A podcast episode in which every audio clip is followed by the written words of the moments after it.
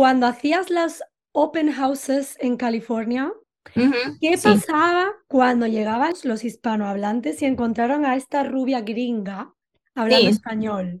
Sí, yo puedo ver en, sus ojos un, un shock. Una gringa en realidad puede entender lo que ellos están um, discutiendo con like, su esposo.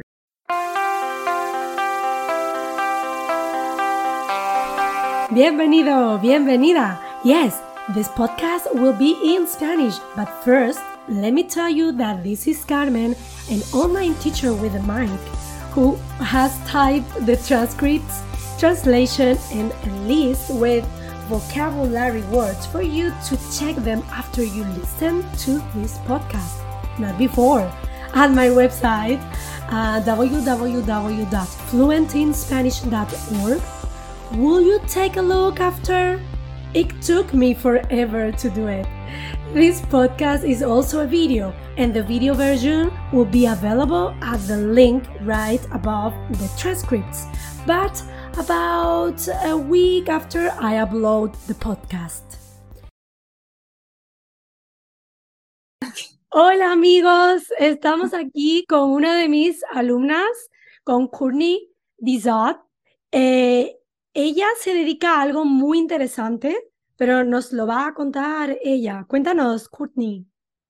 Sí, uh, soy un agente inmobiliario de tres estados en los Estados Unidos. Um, mi esposo y yo tenemos tres oficinas. Una oficina en el condado de Naranja, es el, sur de Los Ángeles, y también en Las Vegas, en Nevada, y también um, en el sur de, de Utah, el uh, estado de Utah. Y además tenéis tres canales de YouTube que yo sigo habitualmente, donde hacéis vídeos muy interesantes porque mostráis los lugares ideales para vivir, la parte positiva, la parte negativa. Sí, sí, sí. tenemos socios en, en cada área. Ah, por supuesto, por, por, estamos nuevos en Las Vegas y en, en Utah, entonces tenemos ah, socios para que podamos ah, aprender con rápidamente los lugares que son mejores en, en cada, cada lugar. Y sí, tenemos tres canales. Sí, es como, como tú, tú dices, es uh, sobre qué es la vida, cómo, cómo está la vida en esos lugares y qué son las cosas positivas y negativas y, y cada, cada lugar. Y además son muy útiles si yo tuviera, subjuntivo, que comprar una casa Mm, sí. Lo que justamente me gustaría es un canal de YouTube así, donde yo puedo ver todo.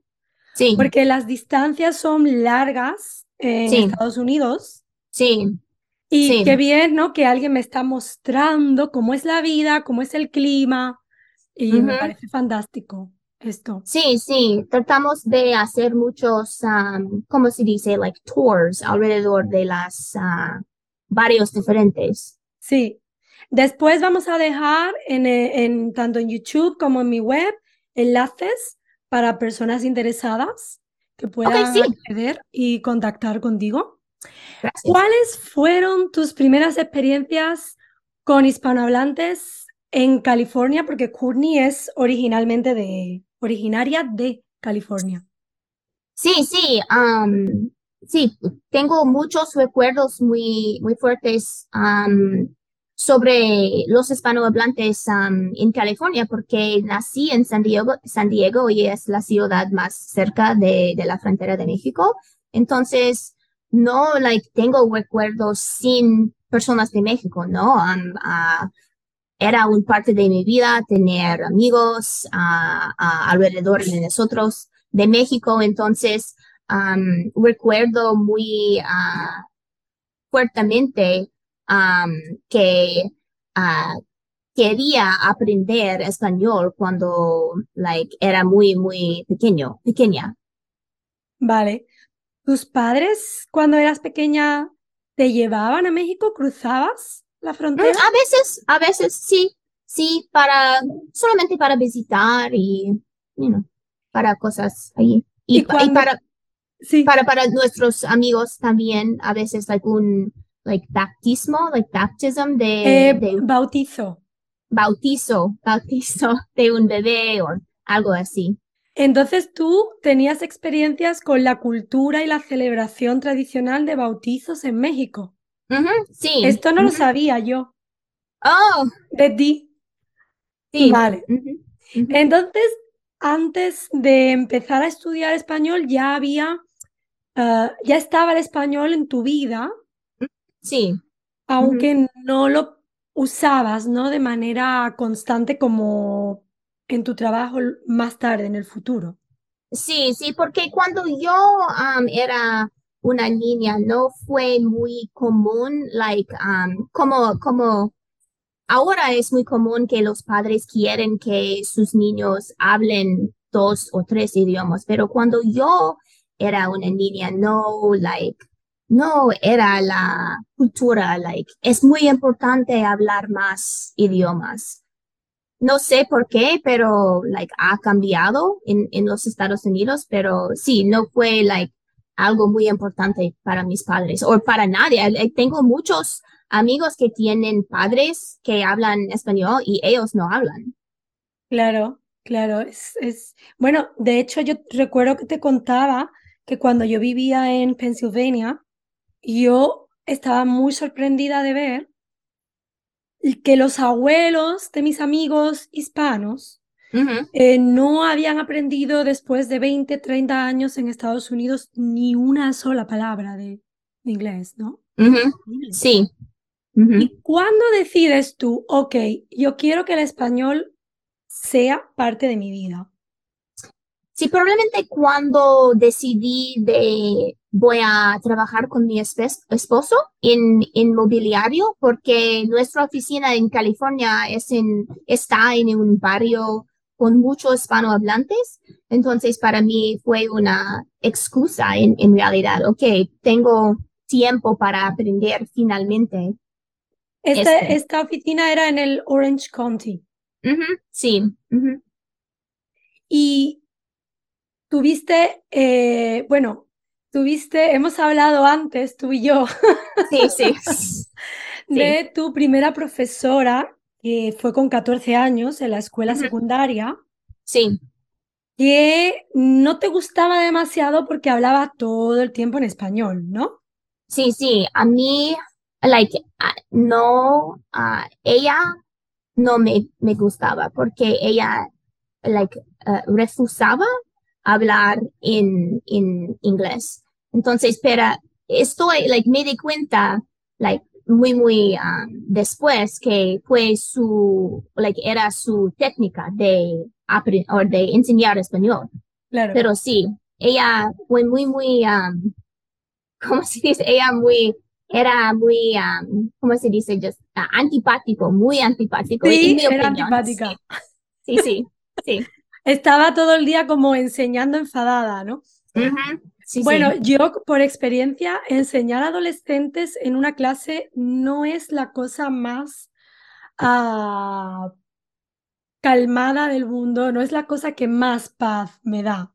Sí, sí, e- es verdad. Pienso que porque yo tengo niños ahora, entonces para mí es like, oh, ah, like ah, ser una profesora, en mi opinión, es muy difícil, especialmente con los, con los niños. Luego continuaste estudiando en tu vida adulta, como hemos hablado, cómo hacías, cómo era y cómo es estudiar español con niños, con trabajo, con esposo. Ujú, Sí, un momento, oh, un momento, es mi, es, es mi Está hijo. bien, está bien que está ocurriendo esto en este momento. Ok. Un momento. Pero es muy bueno porque eh, es, Cour- Courtney tiene hoy a su hijo en casa, está enfermo, no está en la escuela. Sí. Entonces es muy bueno porque eh, yo he dado, he tenido clases con Courtney desde hace siete años, a veces con su hijo bebé. Y sí, mucha gente, y además a las seis de la mañana para ti, hora tuya local, mucha gente piensa, es que no tengo tiempo para... Y tú siempre haces espacio. Cuéntanos cómo, cómo haces esto. Sí, sí, para mí porque um, fue, like, en, en mi opinión, like, para mí, cuando decidí uh, trabajar con mi esposo, uh, en mi mente, like, uh, era una op oportunidad um, hacer este, esta meta que yo, like, he tenido en realidad para toda mi vida. Entonces, para mí fue algo divertido um, tener tiempo uh, para, para estudiar y uh, fue porque um, y, fue, y estaba muy um, divertido en realidad hablar contigo cada, cada semana y ahora tenemos una amistad muy fuerte en, mi opinión y sí y, y tú aguantas cosas como la de hoy sí sí sí sí Oh, sí, sí. Courtney me perdona cosas que, que, ah. que bueno, cosas, no vamos a... Sí, sí, sí. Hace muchos años y quizás el próximo año 2024, quizás vamos a encontrarnos en España. Sí, sí, es mi meta. Sí, sí, ah, quiero, quiero um, ir a San Sebastián en, en España. Entonces, sí. sí. y yo no he estado nunca, así que podría ser una, una cosa buena. A Courtney le gusta mucho el turismo de restaurantes. Mm, sí, sí, sí. sí. Y quiere ir a, San Sebastián también por esto, ¿no?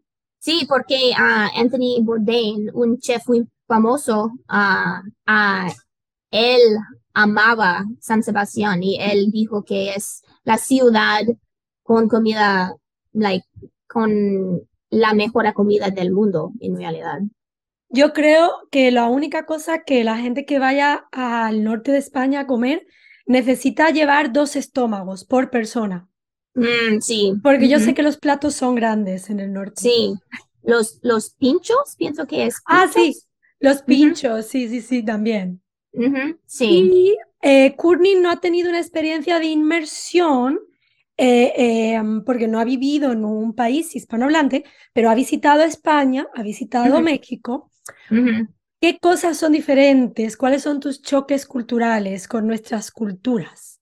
Mm, pienso que probablemente la, el shock más grande para nosotros de España fue que todas las personas estaban en las calles uh, durante toda la noche cuando había una fiesta o un partido de, de fútbol um, like había una partida de fútbol de FC Barcelona y Real Madrid y estamos en Madrid y entonces durante toda la noche, like todas las personas están, estaban gritando en, en la calle, like personas mayores, like abuelas, bisabuelas. No había una luz, like, uh, en los edificios. Todas las personas están en las calles.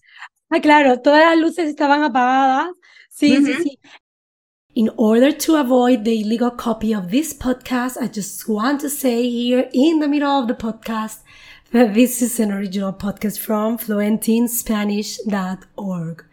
Para evitar la copia ilegal de este podcast, solo quiero decir aquí en medio, de repente, que este es un podcast original de fluentinspanish.org. El fútbol es, es una cosa culturalmente en los países hispanos es súper importante, eh, tiene prioridad. Tanto en España, en México, en Colombia, bueno, Argentina, madre mía, el fútbol argentino, ¿no? Sí, sí. Sí, sí, sí, además se enfadan. Yo he visto argentinos aquí enfadarse unos con otros porque uno es del Boca mm. Juniors, el otro es del... Ay, se me ha olvidado. ¿Cuál es el rival del Boca Juniors? O me van a matar, no me acuerdo ahora mm, mismo. No, no, no sé. es como el Madrid y el Barcelona en España. Mm, sí. ¿Y cómo fue el paso del aprendizaje presencial a online? ¿Fue raro? ¿Te gustó? ¿No te gustó? Ah, para mí, para mí fue ah, más simple, o es, es mi hija, es mi hija también.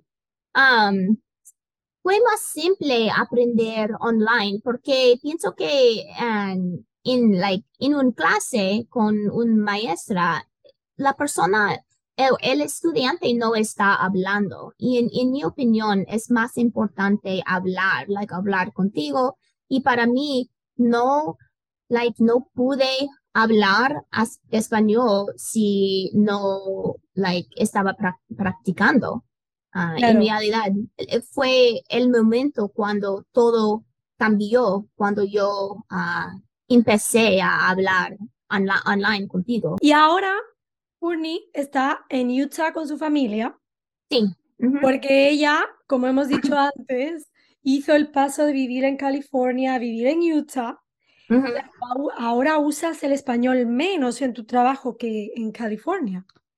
Sí, sí, porque um, hay una población muy grande de hispanohablantes en, en California. Y, y, por supuesto hay una población aquí en Utah, pero es, es más pequeño. Claro. Porque, sí. ¿Por qué las tres oficinas entre estos tres lugares? ¿Por qué es bueno para vosotros? Sí, porque, lo siento, porque California es un lugar like, muy bonito y es un lugar like, fantástico en realidad, pero es, es muy caro y no hay muchas personas que pueden pagar este, ah, esta vida en realidad. Entonces hay muchas personas ahora que ah, se están mudando a Las Vegas y también Utah. Y para nosotros es muy fácil tener tres oficinas porque son muy cerca de la carrera ah, desde el sur de California y entonces solamente es cuatro horas a Las Vegas y, dos horas más a Utah. Entonces para nosotros es muy es una buena idea tener tres oficinas para que hay mucho um, negocio en realidad en esas plazas, uh, lugares de personas que se están mudando de California, porque California ahora es muy, muy caro y es, sí. Sí, en español decimos es imposible o los precios en California son imposibles, ¿no? Sí, son como like Londres o París y Sí, es, en mi opinión, California es un lugar fantástico, pero no hay muchas personas que pueden pagar. Sí, yo en mi experiencia, los alumnos que tengo que están jubilados, retirados, son los únicos a los que yo no escucho quejarse sobre esta situación. Las personas que tenéis familias, personas de California o viviendo en California, sí. Ah, todos me cuentan lo mismo, ¿no? La misma cosa. Además, la gente que quiere estar en California quiere estar en la zona del sur con el sol, no quiere estar en el norte, el norte es mucho más frío.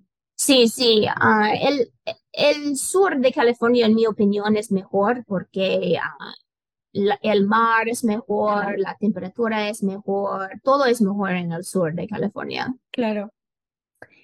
Y en tu casa, eh, yo sé que hay concedéis una importancia especial a las lenguas. Cuéntanos un poquito. Sí, ah, para mí es muy importante aprender otro idioma para muchas razones. Ah, pienso que es una manera a aprender la cultura de otras personas y tener un conocimiento de otra persona que es imposible si tú no hablas el idioma y también porque mis niños ahora están aprendiendo chino y ellos pueden hablar chino en realidad muy bueno. para mí es muy importante porque uh, el cerebro, cuando un hijo está ah, creciendo, es muy importante aprender más de un idioma para su, para su cerebro. Claro. De hecho, tú aprendes más de una lengua, no solamente español. Sí, ah, estoy, ahora estoy estudiando francés también, uh, porque ah, es, es, muy similar a español. Entonces, pienso que es el otro paso, el próximo paso de, de español. Y también vamos a, a París probablemente para los Olímpicos para los Olímpicos y quiero, probablemente por supuesto la mayoría de personas en los Olímpicos van a hablar inglés, pero um, para mí quiero hablar francés cuando um, estamos en, en, en Francia. Además, a los franceses no les gustan que le hables en inglés. Sí, pienso que es muy importante like, um, decir, um, uh, decir algo en, en francés primero. Y entonces, like, entonces, usualmente ellos van a hablar inglés, pero es muy importante el comienzo de la conversación conversación es en francés. Es muy importante. Y una cosa que hemos hablado tú y yo, pero no hemos hablado aquí, hablando de lo importante que es eso, encontrar a alguien que habla tu lengua.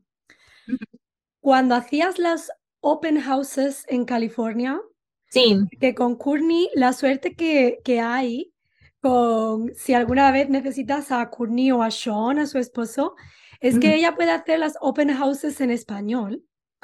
¿Qué pasaba cuando llegaban los latinos, los hispanohablantes y encontraron a esta rubia gringa hablando español? Sí, pienso que yo puedo ver en, sus ojos un, un shock que un, un, mujer como yo, una gringa en realidad, puede entender lo que ellos están discutiendo con like, su esposo o algo, algo así, sí. Claro, claro. Bueno, Courtney, vamos a dejar una vez más toda la información para la gente que nos escucha desde Estados Unidos, que curiosamente, eh, tanto en podcast, sobre todo en podcast como en vídeo, es donde más me escucha la gente. Ah, desde aquí, muchas gracias a toda la gente en Estados Unidos. Y aquí tenéis a Courtney y a su esposo, a Sean. Vamos a dejarlo todo para que veáis. Ellos son una familia estupenda que tienen unos vídeos estupendos y ah, además una, eh, una mujer que siempre saca tiempo para aprender, para ser madre, para trabajar, para hacer deporte, que Courtney también hace deporte todas las semanas.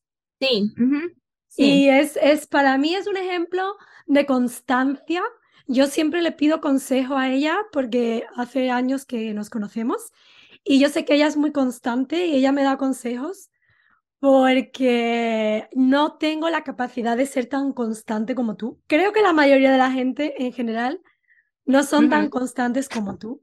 Supongo que esto te lo dice mucha gente, ¿no? Que te conoce. Sí, sí.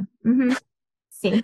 Bueno, Courtney, muchas gracias. No te vayas, pero te despido para nuestro video podcast y vamos a dejar el vocabulario, como siempre, la transcripción y la traducción. Así que gracias por escucharnos y hasta pronto. Gracias. How was it? I highly recommend you to go now to my website fluentinspanish.org and make sure you understood everything by checking the transcripts and translation. Another thing you can do is start the next podcast by reading the vocab list first. I have it below the transcripts. Then listen to the podcast and then listen again and read. There are different ways to do it. You choose. Let's work together on your goal of becoming fluent in Spanish. Hasta pronto!